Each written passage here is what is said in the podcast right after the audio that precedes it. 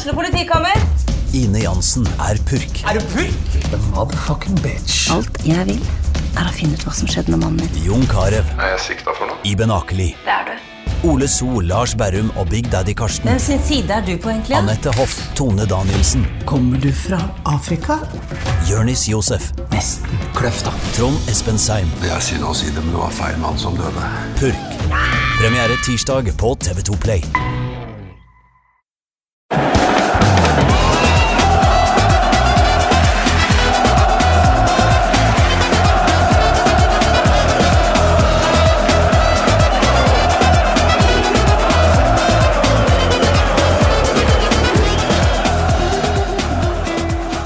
Welcome to this season's first and the fourth ever episode of our series Parla Inglese, here in this typically Norwegian podcast, Pyro or Pivo, which translates into Pyro and Pivo. Uh, with me today, I have my very good, very dear, very uh, questionable friend uh, in Istanbul, Anti. Welcome to the show. Hey man, how are you? I'm good. Uh, and uh, I actually haven't been down to see you in almost three years now, but uh, you maybe it's the you know poor quality of the of the video camera, but you seem to look better than ever. Well, because we have met in a very shitty time in my life as Marla says in Fight Club, but now I'm in a um, better place in life. Yeah. Thank you for saying that, Fight. yeah. So from that, it sounds safe to say that uh, your life has only gotten better since I stopped coming to Istanbul. Maybe, but I don't think that's the only reason. I would be happy and better if I see you again face to face. Uh, I don't think I was the biggest problem, but uh, uh, most of the listeners don't know who you are. Um, English English listeners don't know who I am, probably. So uh, let's take it from the beginning. This is a podcast about, uh, well, it's about football, but it's about more of the football culture and stuff like that. And today we're going to tell some amazing stories from, uh, well, uh, well, I would say you're one of the bad boys of Turkish terraces. um, so you, um, Anti, we just call you that for um, for the sake of being able to say whatever we want without repercussions from any kind of government or whatever. But um, you were born, I'm assuming, somewhere in Turkey about 35 years ago. Correct. That's Um, right. First of all, you turned in to become a Fenerbahce fan. Why is that? Well, as in most countries, the fan culture or the team you support comes from family or older people in the family. So it's typical. My father is a Fenerbahce fan, but when I was three and three and four years old, Fenerbahce scored more than hundred goals in a season just during the league, and so there was a huge hype about Fenerbahce. My father was also going to games, but his friend group actually was more hardcore. And I don't remember, but subconsciously they made me a Fenerbahce fan, I guess. So your father's friends were kind of hardcore fans? Well, I saw more hardcore guys when I grew up. yeah, so these guys probably turned into some kind of role models for you, right? Yeah, Because yeah. when you when you grew up and started going to matches, you you didn't go quietly in the stadium, did you? No, never, never. Because I never cared about football, to be honest. Because as a kid, I didn't like football. And still, when I'm at home, I don't watch football, not even the Premier League, the Italian League, or whatever, because it's a boring game to me, to be honest. But I like the culture behind it, the connection, the stories, and how it connects people who have no fucking idea about each other. Mm. That's the part I love about football. Well, a big part of this podcast is actually, you know, I'm always talking about my travels. I have guests coming over talking about uh, countries they've been to or countries that they are interested in. Football is always the backdrop, but we often end up talking more about the joys of you know going around the world and having football as kind of a stage for it. And what you say right there is exactly why I like traveling and watching football at the same time. Because what you said, people who have no idea of each other meet through that. And that's how we met, for example. That's true. That's true. Or how else would a Norwegian guy and a Turkish guy would find each other and connect that well, to be honest? Yeah, we'll we'll get to more of the story about our first few meetings and and some of our times together because some of them have been, you know, dramatic at best. Um, but uh, back to you. I mean, you you grew up with a Fenerbahce supporting father. Mm-hmm. You started going to matches even though you d- didn't really care about the game. That's um, But you really have spent a lot of time uh, made a lot of effort into working to uh, create or to improve the the supporting scene. I know you made a lot of choreographies, for example. Mm-hmm. Uh, you at least used to be a central part of a central group in one of the main stands at the stadium. Uh, why did you? What about this lifestyle appeal to you? Well, let me just give a little info about our group before I start talking about choreographies and our activities in the terraces. All right.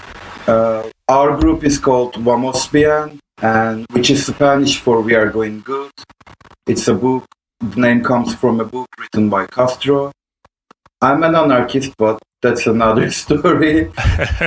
so, Vamos Bien is a leftist group, and actually, the core group, the core crew of the group is pretty small but all the people come from a political background and so they know how to be active beyond the football fan culture and they know how to be more original when it comes to football we can look from a different point of view so even though we were a small group we were at the center of the curva the goal end and our I, people would come up to us first when it was about a choreography or a demonstration. So we did choreographies, and I wouldn't say Vamos Bien did all the choreographies because we we did our own banners, but we did choreographies as a collective. There were three active groups in the goal end, UNIFEB, uh, supporters from university groups, and Group JK, CK for non-Turkish people all over there. So the three groups connected and we did choreographies collectively. And even though I didn't, I said I don't give a damn about football that much, but the connection and the sharing culture. We did choreographies with guys from Lillestrøm actually. That would yeah, happen. I remember that night. yeah, barely. uh, but when when you say these three groups, uh, you call them the main uh, groups in the stand, and you said Unifeb, you said uh, JK, and you said your group uh, mm-hmm. Vamos Bien. Uh, when most people, you know, read about fan culture in um, in Fenerbahce, they read about GFB, Genç uh, Fenerbahceliler. You didn't mention them. Um, why not? Because they weren't in the goal end that time. They were standing in the marathon terraces. I don't. I don't remember the English word for that. Sorry. Well, it's not behind the goal. it's not behind it's, the goal. That's yeah, on the touchline. I don't know what. It's one of the main. Yeah. Uh, they yeah, were on the sides of the court, but, yeah. not the end of the court. So mm. they are the biggest group in our terraces, and they do their own choreographies. But actually, there are more than four groups in Fenerbahce stands, and Fenerbahce has the biggest variety of groups in Turkey. Actually, most most teams have like one or two groups and some minor groups and which are also connected to each other in a hierarchical level. But on Fenerbahce, all the groups are independent and they also work together. But GFB, GFB, they did their own thing and we did our own thing actually. But we So- did we did stuff together with them as well. But as I said, they were in another part of the stadium, so they were doing their own choreographies.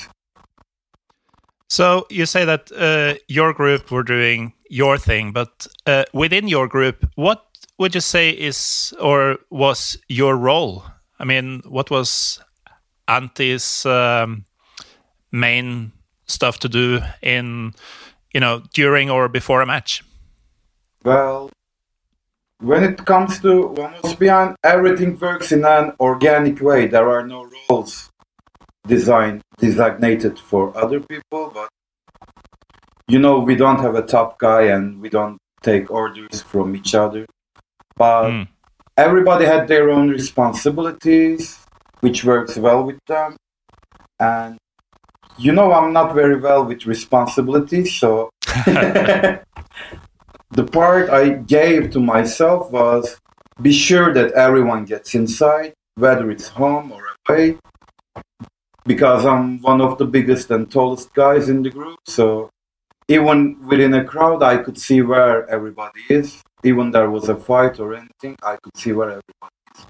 So I was checking if someone is away from the group when we are in a convoy, when we are doing a walk through another city or when we are trying to get inside and the cops are harassing and everybody is scattered all over. So I made sure everybody gets inside, but sometimes I forgot my own ticket.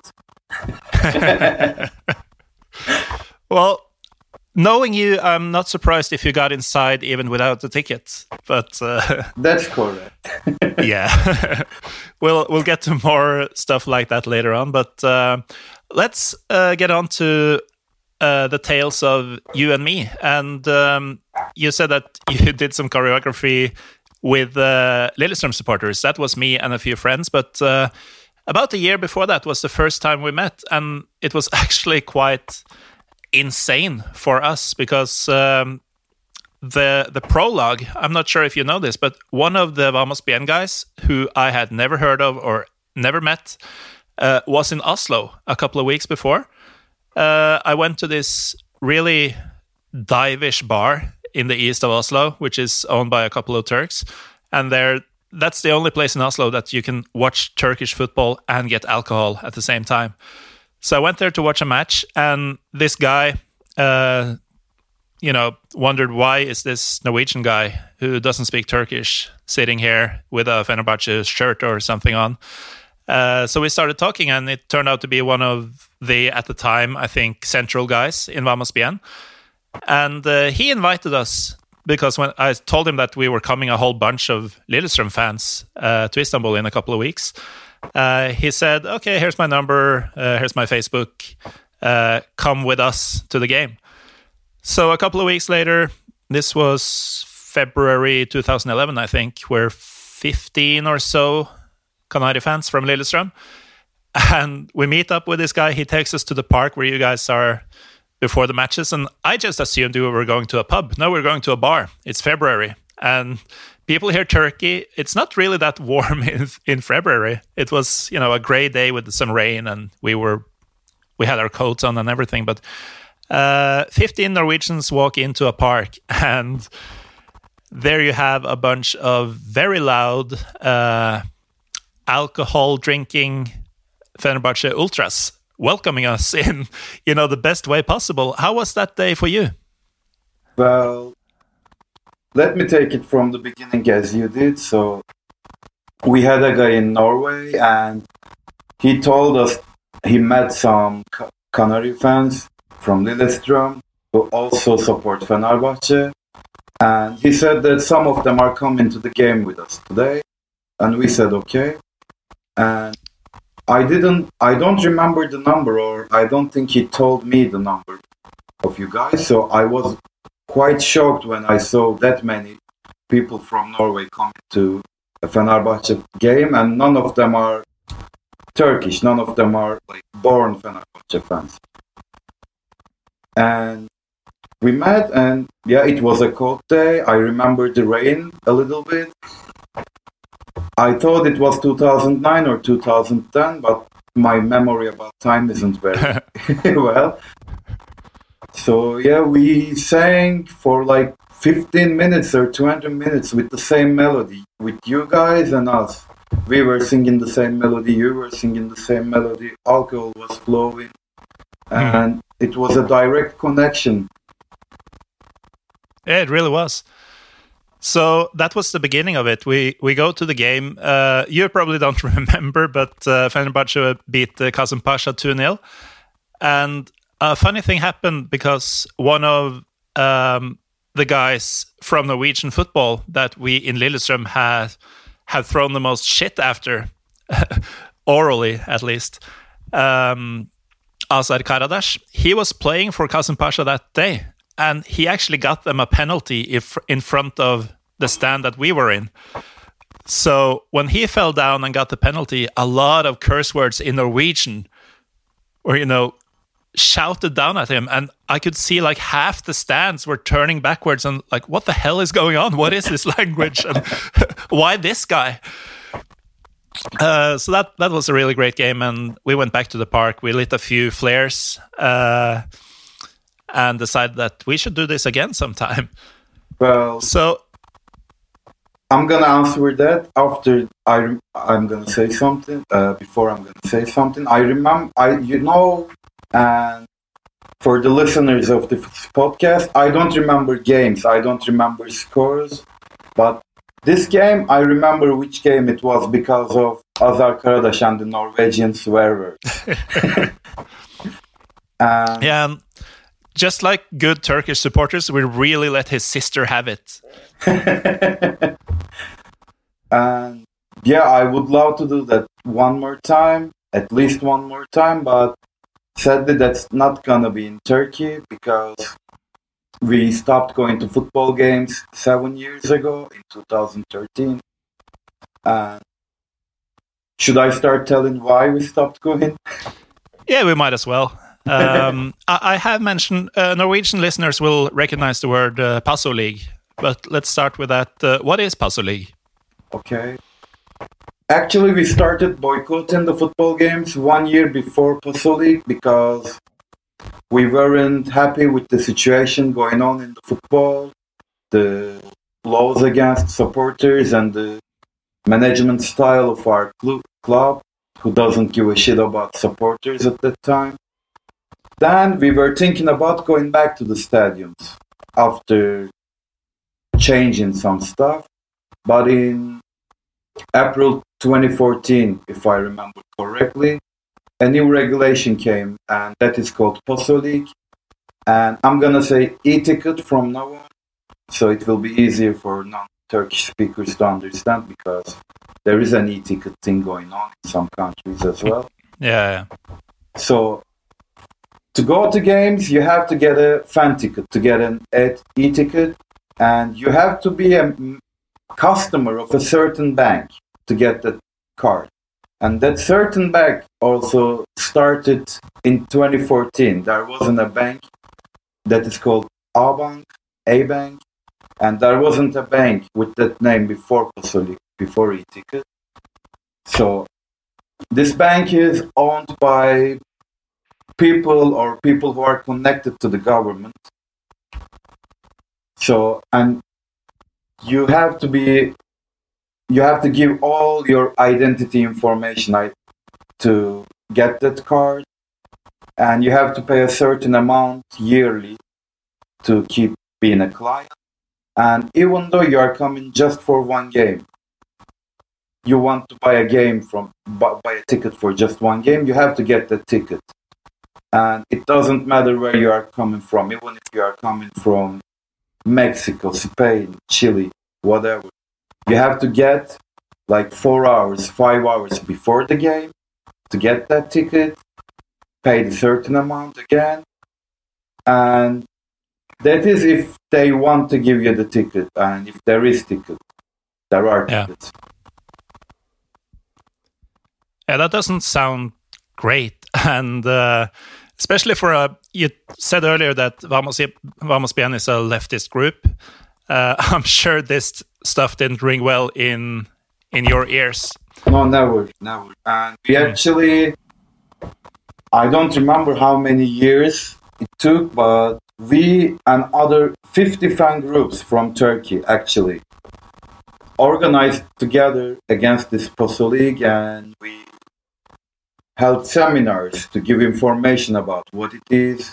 And there were lawyers who are experienced in sports law and mm. like people who know what the real regulations are and they are also fan fans of other teams so and they said that it's gonna the e-ticket is gonna finish the black market or there will be like in quotes nicer family friendlier stands and there won't be violence there won't be like bad words bad chants against other people but League uh, worked in the end and before League the amount of fans in football stadiums in Turkey were around 75 80%. They were 75 80% full. And after League, in the first year of League, actually, it decreased to around 35 33% full. All around yeah, country. I remember that season. It was, you know, depressing to to try to watch on TV or even watching highlights, and you could see Fenerbahce's massive stadium looked, you know, not even half empty. It looked empty almost. It, yeah. it, was like Corona before the Corona. Yeah, you could count the people from TV. Yeah. That's how less people were in stadiums. But after a few seasons, people gave up fighting and some gave up fighting actively. So I think there are more than 3 million fans with e-tickets in Turkey at the moment. Yeah. Stadiums were full again. I'm talking before Corona, obviously. And some people even said we can change the system within. So they bought e-tickets, but that's not how it works in Turkey. No. that's what people say when they leave, you know, an activist punk uh, background to become lawyers or something. They always say, "No, I didn't sell out. I'm just, you know, I'm going to make more of an impact working on the inside of the system." And then they buy villas and start voting, you know, right wing and stuff. Fucking yuppies. Yeah. Um, yeah, so so that's you know Passolig uh, or the e-ticket in a in a nutshell, and I'm I'm gonna hand it to you. I mean, you guys are still going strong. You're still boycotting, right? Yeah, yeah. We're we are not going to football games, as I said, for seven mm. years now. But we are going to basketball games. yeah. We were going to Turkish Cup, some of Turkish Cup games because e-ticket isn't mandatory in the Turkish Cup, and mm. if you match with a lower league team, they don't have e-ticket thingy in their stadiums. They don't have the card reader or anything. That's yeah. mandatory in the first league and in the second league. So we went to some like very small cities for the Turkish Cup, and we still go to volleyball games sometimes, or like under 21, under 19. But basically, we mostly go to basketball games now. Yeah, yeah, because I mean, I don't think I could have done it. I, I would have been strong, you know, for the first maybe a year. Then the, a new season comes on, and um, we're gonna take a break because you can't hear me anymore. All right. I hear you, but the sound is very low. Okay. Um, is it better now? Yeah. Yeah. Thank you. Okay, we'll try. Uh, that was twenty-three something. Okay. Um, yeah, so I was saying, for me, I could maybe last a season, uh, maybe, uh, maybe a little bit more, but I would definitely crack way before, you know, three years, four years, five years. You're on your seventh, and you're not looking back at all. Well, some people in the group actually bought e-tickets, but these people weren't the hardcore shell crew of the group. They were people in the group, not active. Mm. So some of them did, and I think a few active people also bought, but well, we don't have connection with them anymore. Also, we are not going to the basketball games as Vamos Bien because we Okay. stopped we stopped our stand activities, sports activities in 2013. We didn't just boycott; we stopped being a group after a while. But it's So still a friend group, and people were connected well to each other. So even though there are no football games or basketball games, we still see each other. We still grab a drink or two. Yeah, yeah. I mean, you guys have been through a lot of stuff together. So even though you're not going to matches or making choreographies anymore, of course, the bond is still strong. And some of the stuff that's um formed that bond is, for example, a certain championship game uh, nine years ago now. Time flies. But um, last week of the 2010 11 season, uh, Fenerbahce played away in Sivas against Sivaspor and a win would win Fenerbahce the league title. Um, I decided to come down for that. Yeah, and actually, we went to a hardcore punk show the day before. You remember? yeah, in a park. yeah, in a park, open air. And a lot of kids and families had taken to the park for uh, what they thought was a wholesome day of family fun. But instead, they got Frankenstein, Yeah, it was one of whatever the that band weirdest- was called. one of the weirdest hardcore punk shows, I guess. Middle of the day.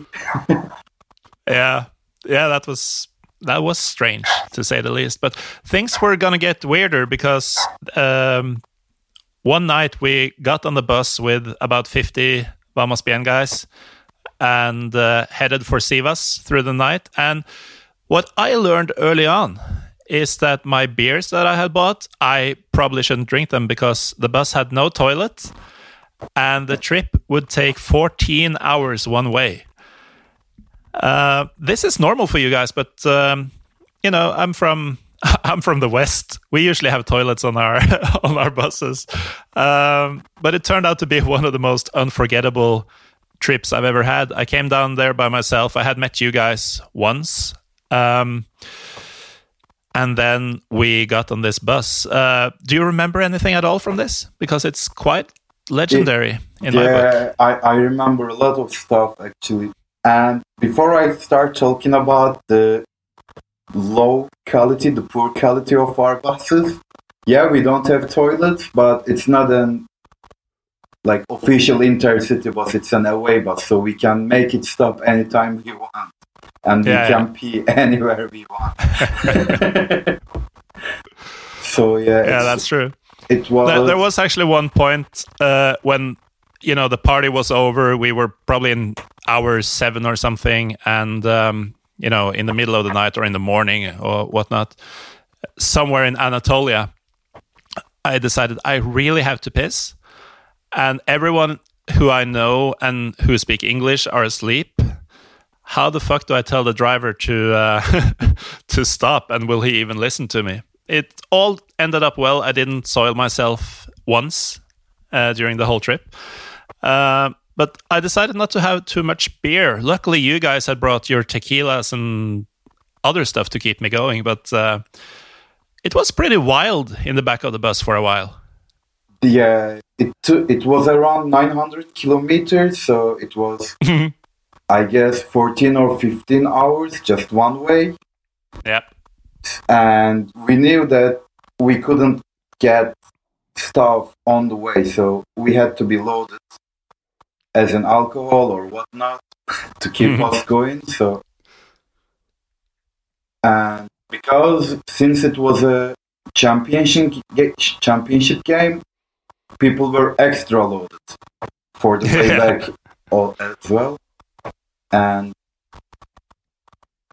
at what point we were making fun of you because you were putting your beer cans in a bag and everything was just around the bus because we are not dirty, but we just clean it in the morning or we just clean it when we feel like we, we are gonna clean.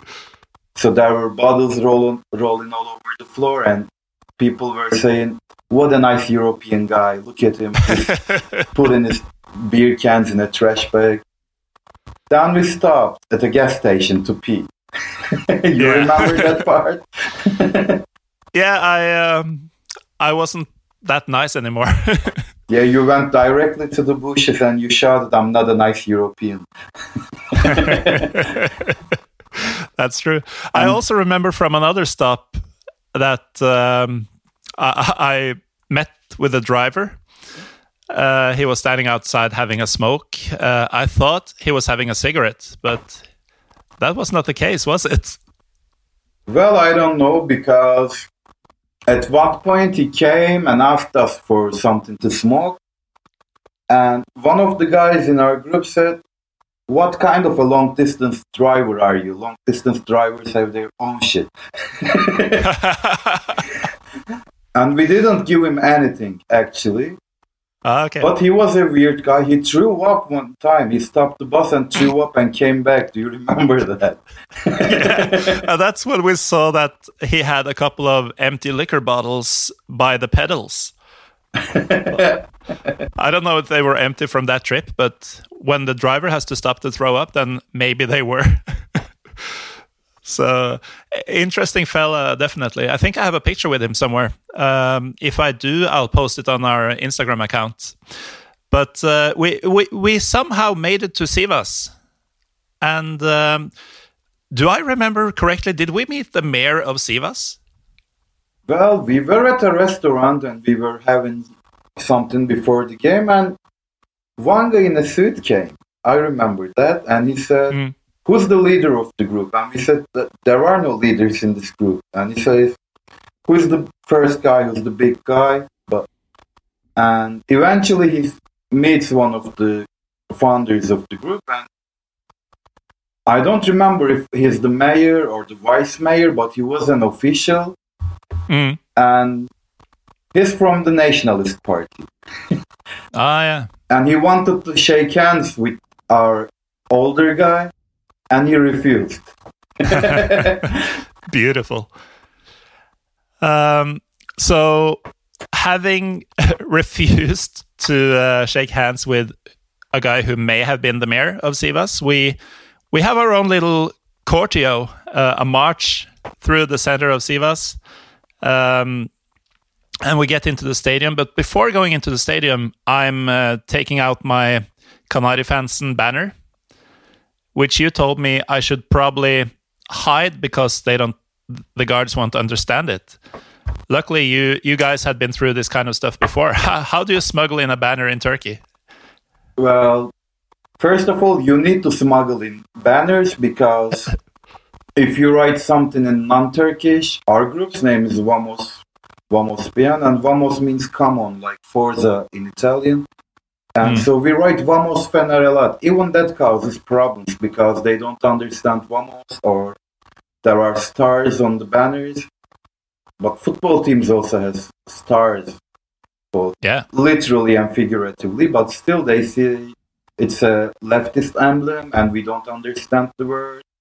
We are gonna give you a hard time about the banner, so we we had to smug, snuck in, sneak in banners. So basically, you find a big guy or a skinny guy, and you wrap the banner around his waist. And if it's winter time, it's even better because you're gonna have lots of stuff on yourself, so they wouldn't feel the banner. And yeah, even if it's a if it's a spring game, summer game, you find the skinniest guy then because he has lots of space between his t-shirt and his body. so you wrap around him or her, then you get in. But that's not the Excellent. o- only thing we sneak into stadiums. Oh, really? What else could you possibly sneak into a stadium? Well, obviously coming from fan culture, flares, smoke bombs. And one time, it's in Ankara, we are playing against Bursa. It's the Turkish Cup final game. And Bursa has the lead in the first half. So Bursa fans light up shitloads of flares and they're having a party. But we know that our stand, our away stands has more flares and smoke bombs than the fans inside, like five flares per person or something like that.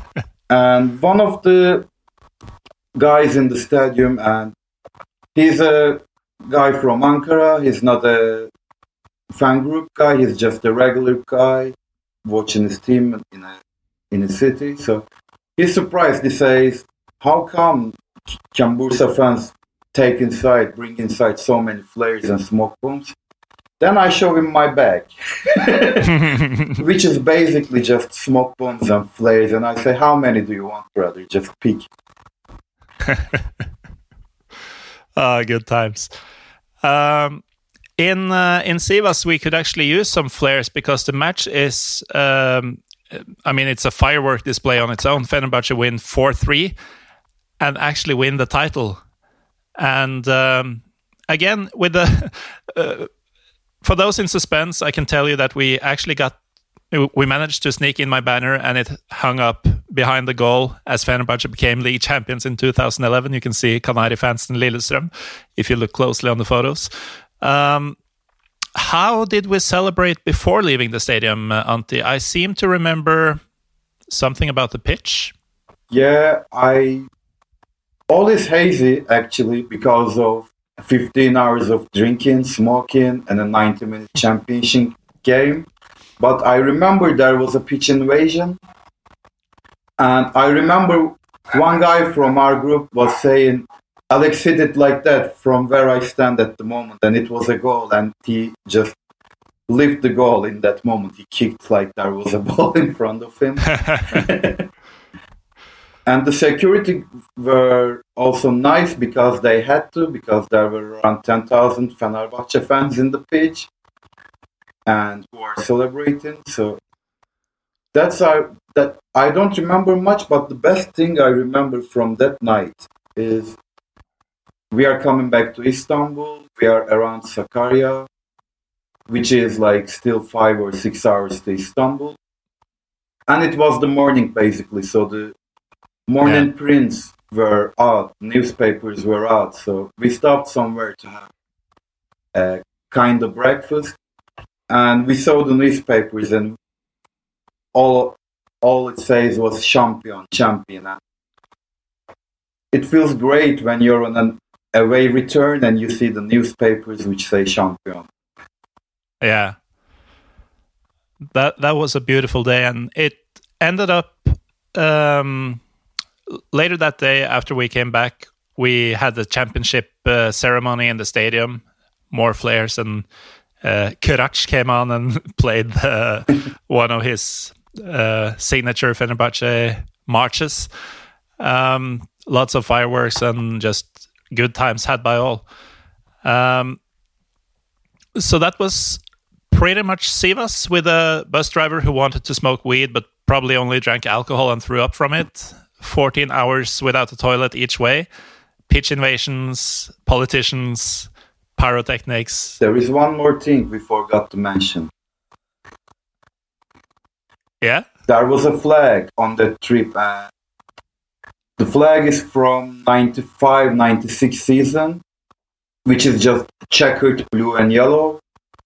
But we won the championship game in Trabzon and an away game. And that flag was in that stadium in 96 and it came back in Sivas in 2011 and on the return trip we gave that flag to you. You did yeah and this year i was actually the leader of Kanari fans in the Lillestrøm supporters club so we hung it up in our headquarters which is actually in the stadium in Lillestrøm just underneath the the terrace where we stand or used to stand before this fucking virus hit us. So uh, yeah, that was a huge gesture from you guys, and uh, you know, obviously, I came back several times more. Uh, but this was. Uh, I don't know if you know this, but the year before, I actually went to the championship match in uh, in Kadıköy, uh, Fenerbahce's area, uh, when it all went to shit in 2010 against against Trabzon actually. and you know we were tear gassed and didn't win the championship. So I came back the following year. Fenerbahce actually win the championship, and then a year later, it's Fenerbahce against Galatasaray in the last match, title decider. If Fenerbahce win, they will be champions. And again, it got fucked up. So again, we're tear gas. This this time, I'm with you. Uh, really crazy times, which we can talk more about. But I, I remember one of the well, you don't have leaders, but one of the founding fathers of Vamos Bien told me after the match. Uh, I had to get it translated because he said it in Turkish. You told me that he said that, uh, Morten, if you ever come to Kadıköy again for a championship match, I'm gonna fucking kill you or something like that. Because obviously, every time I come, we lose the championship and we get tear gassed and beaten by the police and whatnot. Uh, I was staying with you actually for that uh, that time against Galatasaray. And uh, I had a friend with me, Marius, and he got quite uh, anxious to, you know, to get home after the match because, you know, police everywhere, violence everywhere, fires everywhere, tear gas everywhere. And you said, Marius, you have to understand, this is what we live for. did I say that? You did. you probably weren't sober that time either, but you really, I could tell that you were actually, you know, yes, you're losing the championship to your main rivals at home. Uh, actually, they didn't win the game. They just, it was nil nil, but that was enough for Galatasaray to win the championship. So you would think you're devastated, but actually, it's so much excitement in the streets that you're just. I'm not saying you had the time of your life, but you were having a really good time, I think. Yeah, let me just give two examples from that night to clarify how brutal and wild it was. There were two police cars on fire in a gas station. People I remember didn't, that. People didn't give a fuck if the gas station blows up or anything. And another group of people, and some of them are Vamos Bien guys, stopped a fire truck because the stadium was on fire at that moment also, and they stopped the fire truck. They said, "Just let it burn. Don't don't don't extinguish it. It's gonna burn. Stop." that's that's beautiful, and that's I mean when you talked about Passolig earlier. Uh, one of the selling points to the general public was it's gonna you know get rid of the black market. It's gonna get rid of the violence. It's, it's gonna get rid of the bad words and everything like that. But this is what I think the rest of the world loves about Turkish football culture, and it seems like you guys who are in it love about the Turkish football culture. It's it's madness. It's some of the wildest stuff in the world, but and it's not safe at all. But I mean, that's the way it's supposed to be. I think. The, the irony is, all the football programs on TV, their jingles, their intros are stadiums and which are burning. Mm. Turkish stadiums, like old school stadiums with flares, smoke bombs, and whatnot. But then they decided we're not gonna have it anymore. But mm. let me just. It's not gonna be connected very well, but it's gonna be connected to your question the fan culture in Turkey. Well, the Turkish football fan culture didn't know about ultras very much like in the 90s. Ultras became a thing in the early 2000s, actually. But before that, we had like neighborhood groups in Turkey, and their banners would just say their neighborhood, like small parts from Istanbul or cities, even. And they were like casuals, but they didn't know what casuals are because we didn't have football merchandise and like people were knitting their scarves and there were just one or two scarves that you can buy officially so there was a big m- movement of football culture and that was always violent always violent because in the 90s or 80s and before that there was one big stadium in istanbul and Beşiktaş, Galatasaray and Fenerbahçe was playing their games in that stadium and you can't buy tickets online, so you have to get in line one night before, one day before.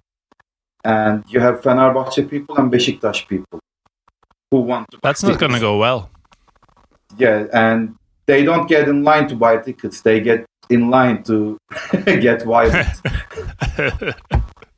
Why? Why didn't they find other places to sell tickets? This sounds just beyond stupid to me.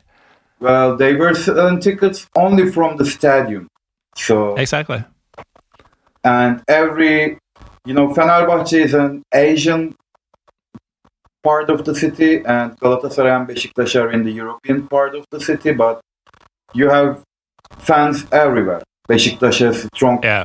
crews in Asian side and Fenerbahce has strong crews in the European side Kasımpaşa just below Taksim is one of them and Kasımpaşa is very close to Beşiktaş so and that is the old school hardcore group of Fenerbahce Kasımpaşa so Really? yeah, yeah. And there were Molotovs before football games. The fans were using Molotovs. With uh, before matches with Kasımpaşa. No, Kasımpaşa was in lower leagues back then. Fenerbahce against Beşiktaş.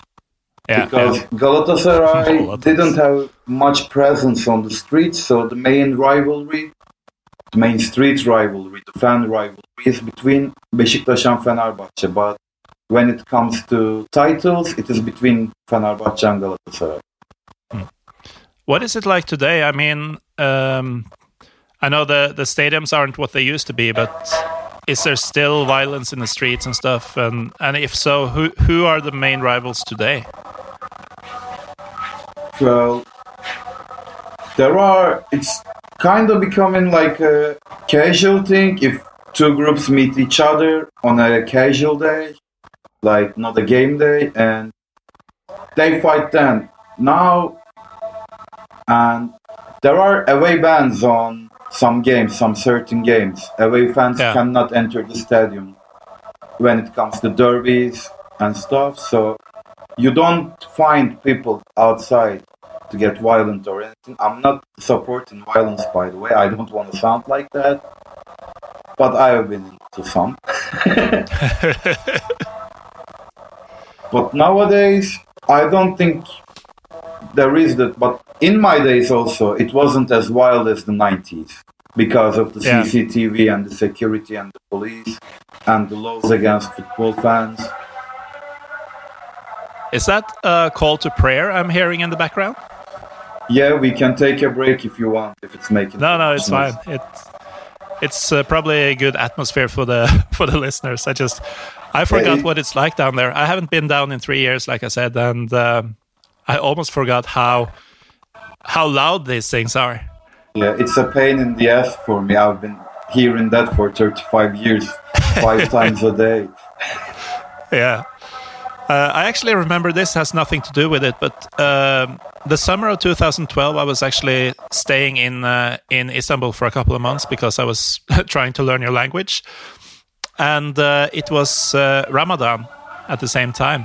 So me and other students, we would go to nightclubs and stuff, stuff, uh, stuff like that, and then they would actually announce over the PA system. They would stop the music and just say, uh, "Now there's you know one hour until the until the morning call to prayer. So those of you that it affects, you should probably go and eat something now before it's too late. And then they would get back back to the music and stuff for those who didn't care, which was pretty much everyone who would go to a to a nightclub during Ramadan. Good times. Yeah, that's Uh, Turkish Muslims for you in a nutshell. Exactly.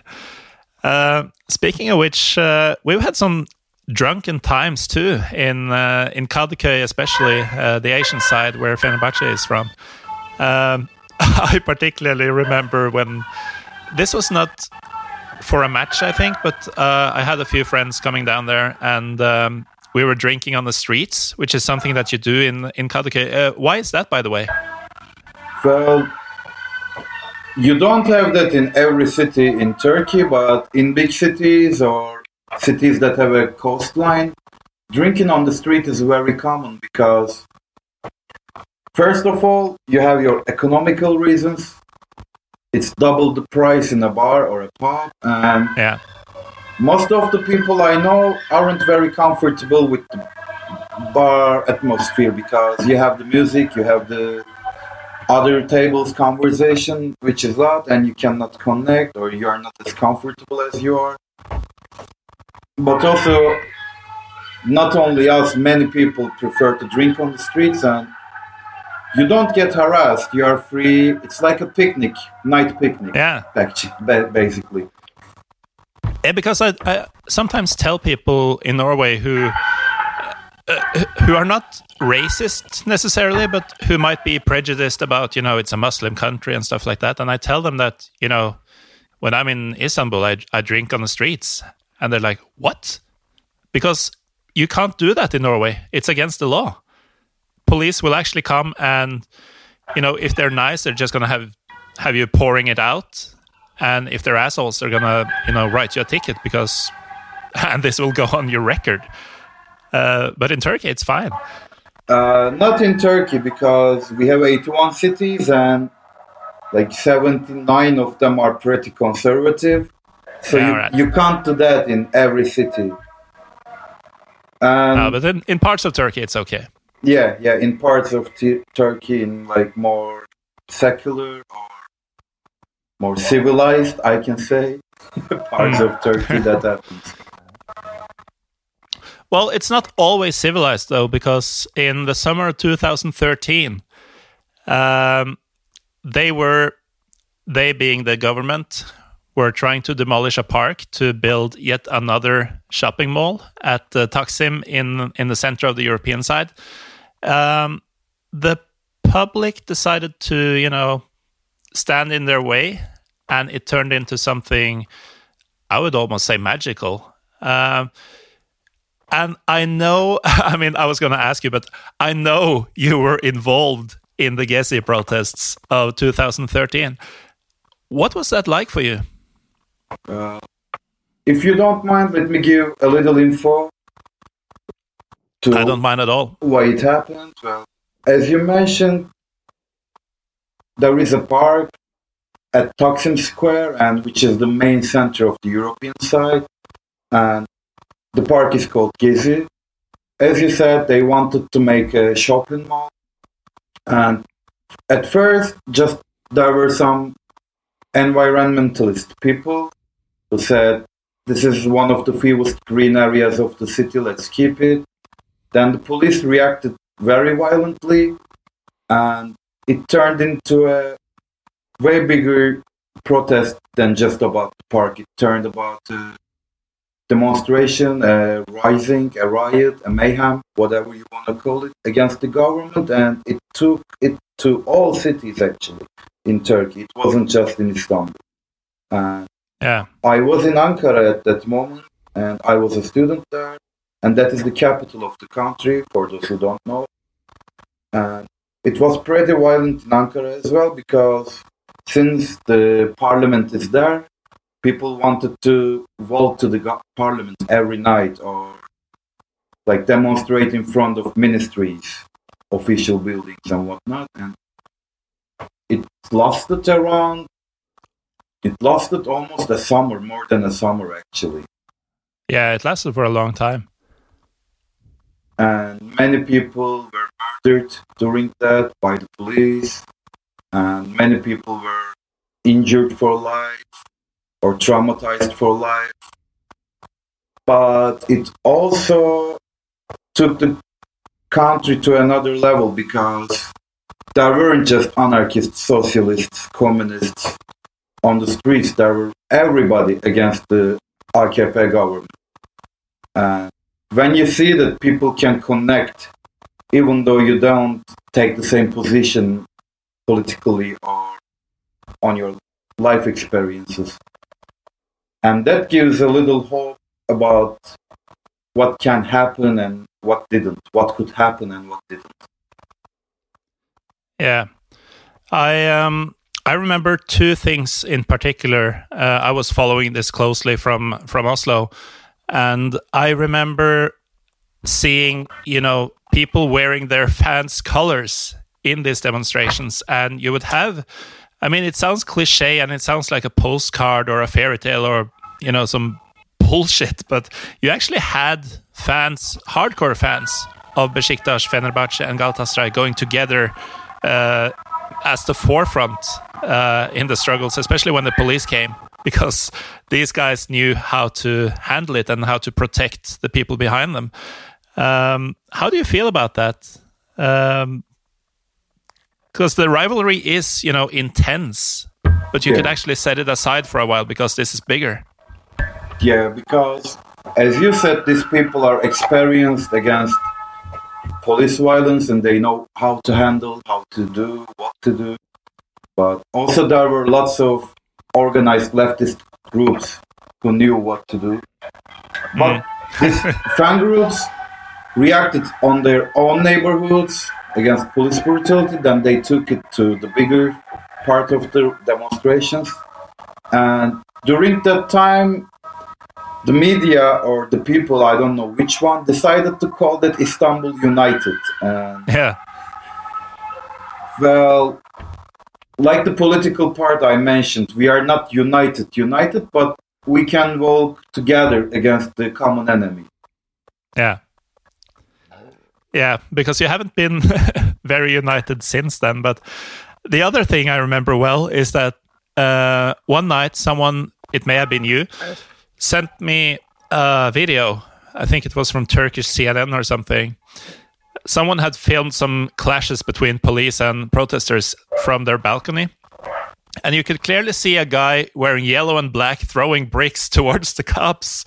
And I was thinking, hey, didn't I give some guy in Turkey a yellow and black Kanari Fansen jacket just a few months ago? Yeah, that's Was me. that? yeah, that was you.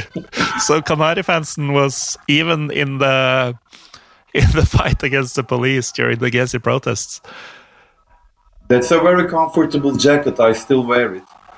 Yeah, I actually wore it the other day. Uh, I kind of forgot about it, but uh, it's quite nice because Lillestrøm are actually winning games now again. After we got relegated last year, it's it's much easier now to win. Maybe maybe that's where you need to be for a few seasons to get on, get back on your feet. Yeah, No, I'm ju- I'm just teasing you. Sorry. Yeah, I know. It's I, I'm trying to pretend it's funny, but it's it's just dark and sinister. Um, before we go, uh, I have a couple of more things I wanna wanna talk to you about, and um, I, I think the listeners now have you know kind of an idea of what kind of guy you are, what kind of supporter you are. But I remember having known you for quite some time, going to a lot of games with you. One day you said, "Oh, today is a happy day because uh, today is the day my stadium ban is ending." and you you had been banned for like three years or something, but you had gone to fucking every match since. Well, I was banned for six months, not three years. Ah, okay, so not too bad.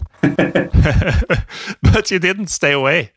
Yeah, because they didn't have the fan ticket thing back then, and my season ticket was in someone else's name. So I didn't have a season ticket under my name, so it was easy to get into stadiums. And hmm. since the police don't know my face that well, it was easy. If you're a known face, you would get trouble. But I, I can be stay, I can be anonymous on the streets as well. Well, uh, last thing I want to talk to you about is, and I actually didn't clear this with you beforehand, so if you don't have much to say, then it's fine. But uh, a couple of faces who are way too familiar for the police. Uh, one of them is a guy who everyone who's ever watched a YouTube documentary about Turkish or Fenerbahce fans or something will know, and it's Rambo. Have you ever met this guy, and uh, who is Rambo? Uh, Rambo is like a mascot for our club, actually, and he has been active in the stands more than 25 years, I guess. Well, when you see him, you know him, you never forget him. He's that kind of unique. And some people say he's insane, some people say he chose to be insane. You can have a proper conversation with him if he's in the right state of his mind. And let me just tell a little story about him. Yeah.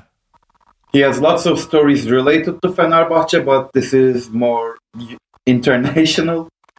We have Eurasia marathons in Istanbul every year, and you run from the European side to the Asian side, or vice versa. I don't remember which is worse, Yeah. but you cross continents. And Rambo takes the shortcut in that marathon, and and there are real athletes. There are like Olympic athletes running in that marathon. He gets an award. He gets a second place or third place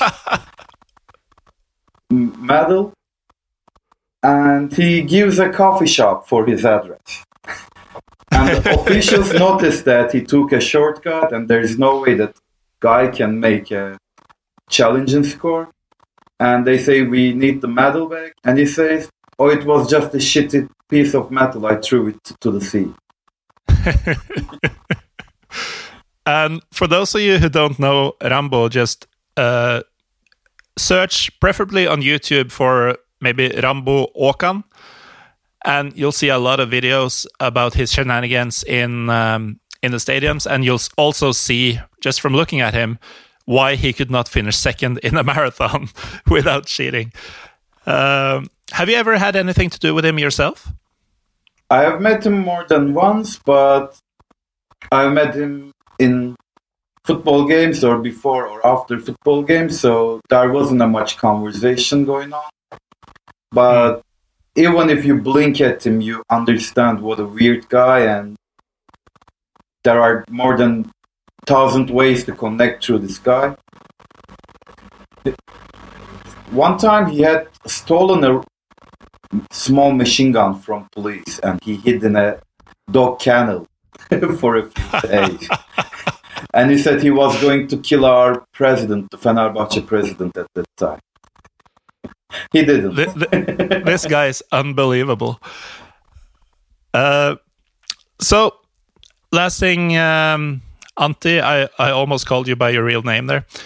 Um, as a fan who see, you've seen for a long time how the fans are, you know, oppressed by the politicians and the general, you know, since then you've had the Passolig and you have the increasingly, uh, you know, I don't even know what to call the political situation in Turkey, but as a guy who used to go to the stadiums and enjoy life and such, how do you see uh, see the future? Do you think you'll be returning to the stadium anytime soon? Will will anything change for the better? Because that's what Turkey as a country and especially Turkish supporters needs.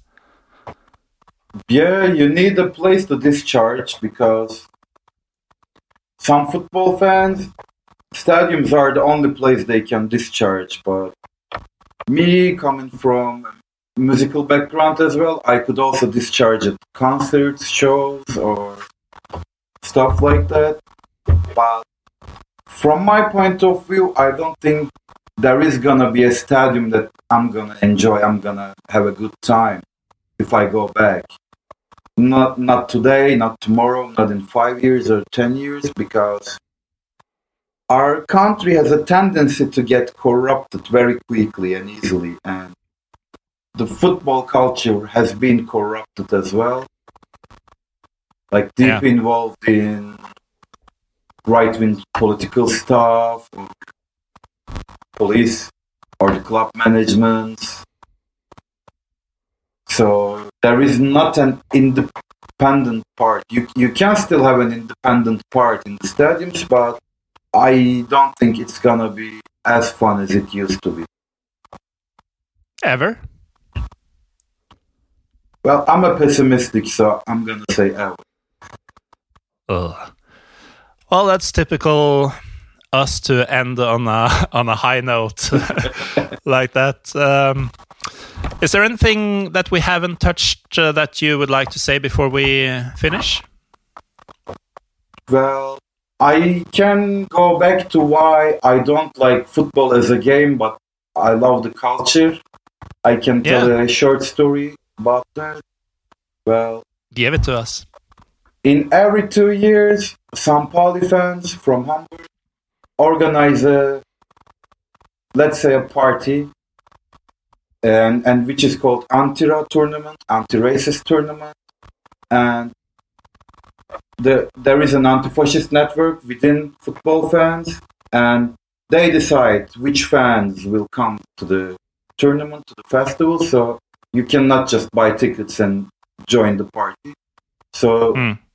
but this is international. There are football fans from all over the world, and you stay in tents next to Millerntor, the stadium of San Pauli, and you stay in tents with people from other countries, other cities, other teams, and there is Jolly Roger, which is the pub of Pauli fans. And one night, it's the first day of the tournament, and everybody, almost everybody, for the organization is in front of Jolly Roger, and you have people from Mexico, Italy, Belarus, Cyprus, Spain, Denmark, whatever. And one of the groups starts singing Ciao Bella in their own language. Then it, it took around 45 minutes to finish the song because without no pause, when one group ends and there is this understanding within groups, so you know who's gonna start, and everybody sang Ciao Bella in their own language and with their own football version also Yeah. like for 45 minutes and you saw how everybody connects even though they don't know you they don't understand your language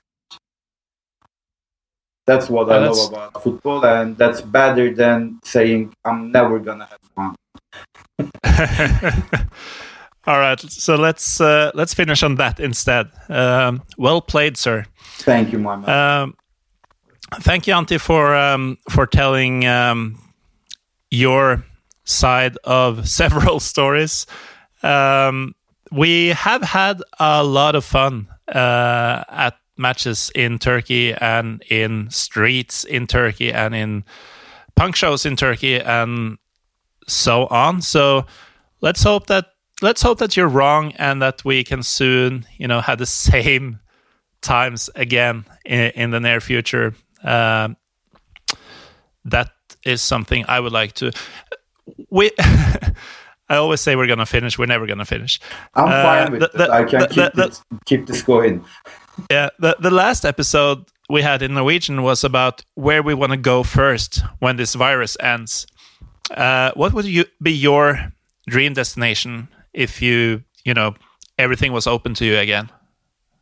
And you mean just for football games or just for Well, you don't really like football, so wherever for wh- whatever reason.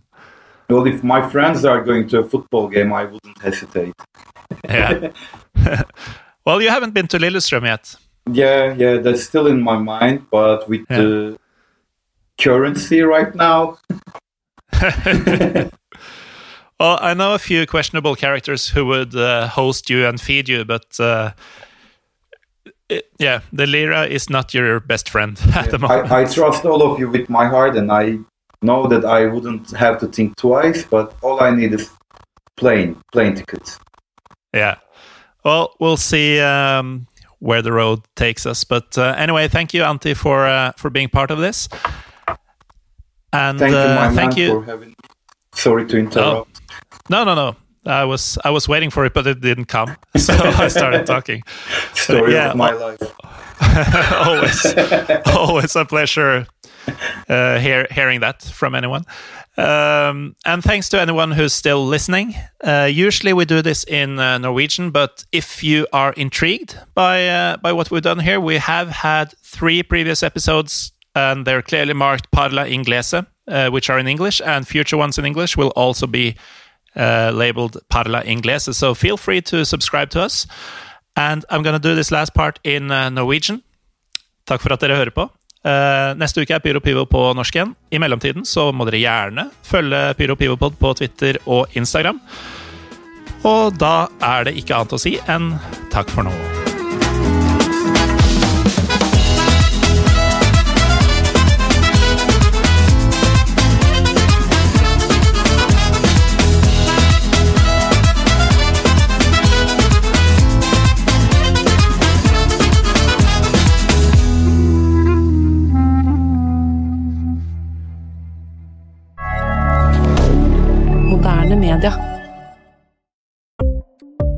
Ukens annonsør er HelloFresh. HelloFresh er verdens ledende matkasseleverandør og kan være redningen i en travel hverdag. Mange av oss har nok vandret i butikken både sultne og uten en plan for middagen, som ender med at vi går for de samme kjedelige rettene gang på gang. Middag burde være dagens høydepunkt. Som Hello Fresh kan du nå velge mellom 25 ulike retter hver eneste uke, eller få Hello Fresh til å sette sammen menyen for deg. Dette gir deg muligheten til å prøve nye og spennende retter alene eller sammen med familien. Du velger antall porsjoner og får alt levert på døren på et tidspunkt som passer for deg. Oppskriftene er enkle, og maten er lett å lage både for store og for små. Ved å få alt levert hjem får du også mer tid til å dele matgleden med familie og venner. Kanskje det frister med asiatiske tacos eller greskinspirert kylling? Da kan jeg anbefale deg om å gå inn på hellofresh.no. Her kan du bruke koden FOTBALL og få opptil 1779 kroner i rabatt på de første fem matkastene hvis du ikke har prøvd Hello Fresh tidligere. Du kan også bruke rabatten hvis du har vært kunde og stoppet abonnementet ditt for tolv måneder siden eller lengre. Gå inn på hellofresh.no og bruk koden FOTBALL. Har du et enkeltpersonforetak eller en liten bedrift? Da er du sikkert lei av å høre meg snakke om hvor enkelt det er med kvitteringer og bilag i fiken, så vi eh, gir oss her, vi. Fordi vi liker enkelt. Fiken superenkelt regnskap.